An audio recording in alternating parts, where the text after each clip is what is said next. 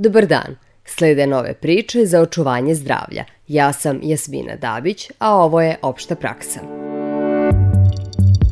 Među nama je sve više meteoropata koji i dva dana pre promene vremena osete njen dolazak. Tegobe vezane za osnovnu bolest se uvek pogoršavaju, bilo da se ide iz toplog u hladno vreme ili iz hladnog, znači te nagle promene loše utiču na sve hronične pacijente. Zbog stalnog gledanja naniže, pametni telefoni izazivaju novu globalnu bolest, ukočen vrat. U suštini najbolji položaj bi bio u visini očiju kao i ekran kompjutera da bude. Malo je nezgodan, ali je dobar za vas.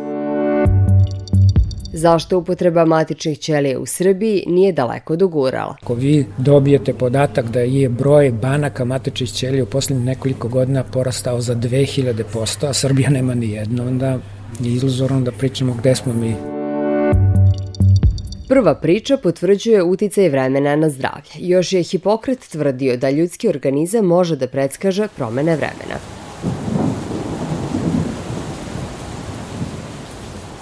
Za nekoga ko redovno odboluje promene vremena, kažemo da je meteoropata. Nezvanične procene pokazuju da simptome meteoropatije osjeća 80% ljudi. E, možda su u najvećem riziku i najčešće e, zovu kardiovaskularni, cerebrovaskularni pacijenti, pacijenti sa hroničnom obstruktivnom bolešću pluća, psihijatrijski pacijenti e, i takođe pacijenti sa nekim reumatološkim oboljenjima. Tegobe se javljaju neposredno pre vremenskih turbulencija. Na njih najviše reaguju žene srednjih godina, slede hronični bolesnici i starije osobe. Kod njih se pogoršavaju simptomi osnovne bolesti, što za lekare novosadske hitne pomoći znači više posla, kaže pijarka Ivana Ramović. Hipertoničari često imaju e, skokove krvnog pritiska koje ne mogu da kontrolišu svojom standardnom e, terapijom koju piju. Isto tako, pacijenti sa hroničnom obstruktivnom bolešću pluća imaju češća gušenja i pored terapije koju redovno piju, tako da opet pozivaju u tim slučajima hitnu pomoć. Mada meteoropate ne moraju da budu hronični bolesnici, nego medicinski zdravi ljudi, osetljivost na vremenske promene pokazatelj je slabosti organizma. Što nam je imunitet slabiji, to ćemo intenzivnije reagovati na vremenske prilike i obrnuto. Činjenica je da promena vremena u hitnoj pomoći e, imamo povećan obim posla, e, naročito kada se radi o naglim promenama temperature, što je učestalo u poslednjih možda i desetak godina.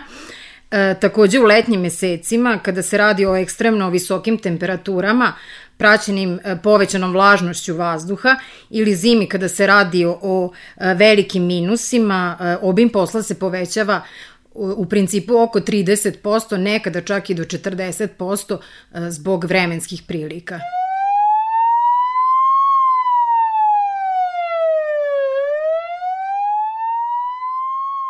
Zimi krvni pritisak raste, opterećuje srce i podstiče zakrčenje krvnih sudova, čime raste rizik od srčanog ili moždanog udara. Prodor hladnog fronta u letnjim mesecima najopasniji je za pojavu moždanih udara.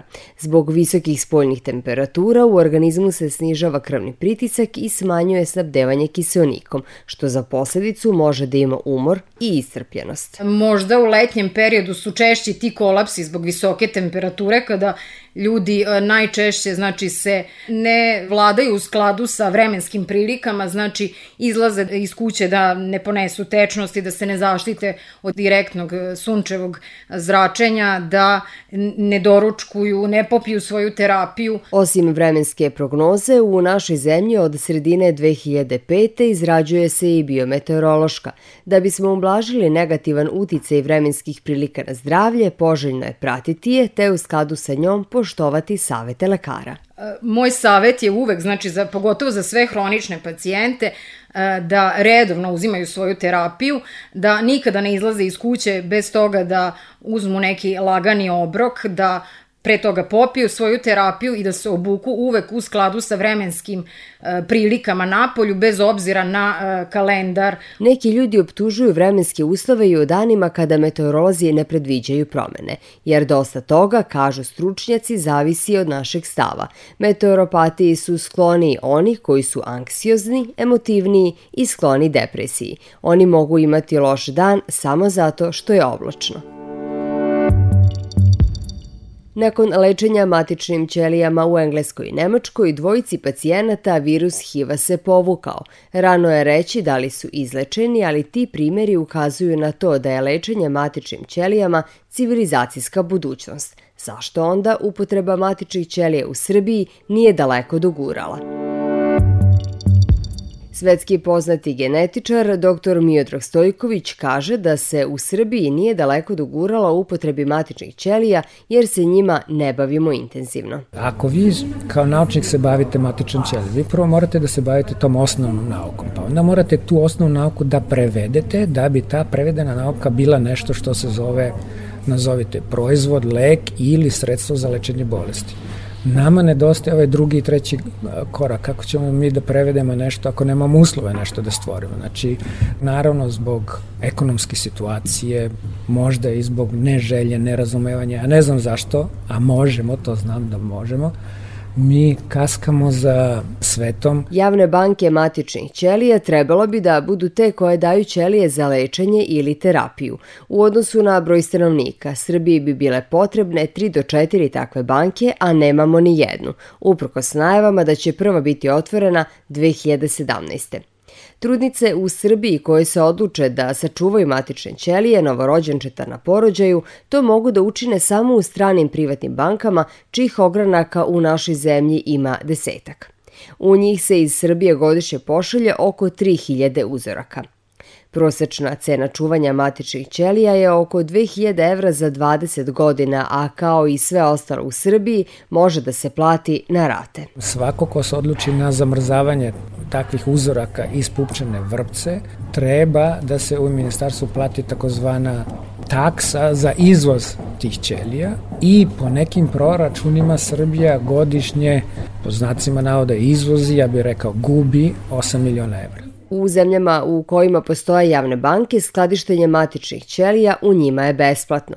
Preporučuje se porodicama u kojima ne postoji zdravstveni problem, jer javnim bankama porodice praktično doniraju uzorak krvi iz pupčanika koja će moći da pomogne pacijentima kojima treba donor za transplantaciju. Kod porodica u kojima postoji zdravstveni problem ili genetska predispozicija, privatne banke su način da se matične ćelije sačuvaju kao opcija za terapiju tog deteta ili drugog člana porodice sa određenom bolešću. Ako u porodici postoji istorija bolesti koja kaže da je verovatnoća da se iskoriste te matične ćelije, ona treba zamrzati. Ali ne treba davati lažno obećanje i lažnu nadu ljudima reći im u principu vi imate jedno dete koje boluje od šećerne bolesti tipa 1, a ako dobijete drugo dete tu izolujemo matične ćelije ispupčene vrpca, lečit ćemo prvo dete. To je neodgovor. Jer ako kažemo da smo izuzeli ispupčene vrpce, onda su to hematopoetske matične ćelije. Onda daju ćelije krvne loze ili ako su mezenhimalne ne daju beta ćelije, odnosno ćelije koje treba da produkuju insulin, odnosno da leče. To znači da postoji više tipova matičnih ćelija i da nisu sve univerzalne, nego su neke dobre za jednu vrstu bolesti, druge za drugu. Svi se mi najviše hvatamo po znacima navoda, hvatamo za one koje dolaze iz pupčene vrpce, zato što su najpristupačnije i ja mislim i najpopularnije isto i među ljudima koji i planiraju porodicu i naravno i onima koje te matične ćelije nude kao sredstvo ili kao lek za lečenje. Međutim, to nije jedini tip matičnih ćelija koje nama treba u borbi protiv bolesti. Postoje više vrsta matičnih ćelija, počeši od onih fetalnih, embrionalnih, adultnih, tih iz pupčane vrpce, hematopoetskih, mezenhimalnih i tako dalje i tako dalje. Samo u krvi pupčanika postoje matične ćelije koje još nisu prošle proces starenja, te samim tim imaju mnogo veće sposobnosti stvaranja različitih ljudskih tkiva. Verovatnoća da će nam u lečenju zatrebati je 0,004%. Ove recimo koje idu iz pupčane vrpce, one se koriste negde kod 80 bolesti. Znači ne mogu da se nude kao što se vrlo često nude za sve na, za Parkinson, za Alzheimer, za šećernu bolest tipa 1 i tako dalje. To je neodgovorno i to ne odgovara modernoj medicini. Ali se koriste za krvne ili bolesti metabolizma. Čuvanjem matičnih ćelija investirate u budućnost. U sadašnjosti se suočavamo sa novom globalnom bolešću. Donose pametni telefoni i računari, a zove se ukočan vrat. To je naša sledeća priča. Ako dosta vremena provodite za računarom i nagnuti nad mobilnim telefonom, možete osetiti bolove o vratu, leđima i ramenima, ukočenost i glavobolje. Da biste ih umanjili ili otklonili, postoji nekoliko načina da poboljšate svoje držanje. U pomoć nam priskače kineziterapeut Dalibor Veselić, koji nas uči kako da sedimo za računarom. Idealan položaj bi bio što bi se reklo po 90 stepeni, da zglob kolena bude 90 stepeni, uz zglobu kuka 90 i uz zglobu lakta 90. Ekran kompjutera bi trebao da bude u visini očiju. To je neki idealan položaj za osobu koja u suštini nema nikakav dodatni problem. Kada sednete pravilno, trebalo bi da ostane nekoliko centimetara između zadnjeg dela kolena i ivice sedalnog dela stolice. Visinu određujete prema tome da kada sedite celim stopalom dodirujete pod. Ramena treba da budu opuštena i da budete blago nagnuti unazad. Ukoliko imamo problem u lumbalnom delu, ne bi trebalo previše da idemo u ekstenziju leđima, odnosno previše da se ispravljamo zbog načina života danas. Obično, generalno ljudi, veliki procenat ljudi ima problem sa lumbalnim delom u smislu anularnog bubrenja, protruzije diska ili diskus hernije i to je neki položaj koji bi uh, nam u suštini naškodio. Ako vam je monitor predaleko, počećete da izdužujete vrat. Da biste odredili pravilnu razdaljenu monitora, sedite pravilno i ispružite ruke. Kada vrhovima srednjeg prsta dodirnete ekran, to je to. Čak i kada zauzmete dobar položaj, višesetno sedenje nije dobro za zdravlje. Poželjno je da na svakih pola sata prošetate bar koji minut. To je iz razloga što današnji način života, sedentaran način života, nikako ne odgovara našoj muskulaturi. Mi smo praktično mašine koje su napravljene da rade po ceo dan. Ranije je to bilo mnogo drugačije. Ujutro rano smo se budili sa prvim zracima sunca i odlazili, ajde da kažem, na njivu da radimo po ceo dan. Danas se sve to promenilo, sedimo više nego što bi trebalo i ajde da kažem da je to neki minimum koji bi trebalo ispuštovati na pola sata da se ustane i da se prošeta i bar neke vežbice da se odrade. Preporučuje se kruženje ramenima, odizanje ruku, podizanje na prste, kruženje kukovima, znači lagane vežbe koje će ubrzati cirkulaciju. To su one takozvane vežbe oblikovanja, dakle one vežbe koje smo svi mi radili u školi prilikom zagrevanja.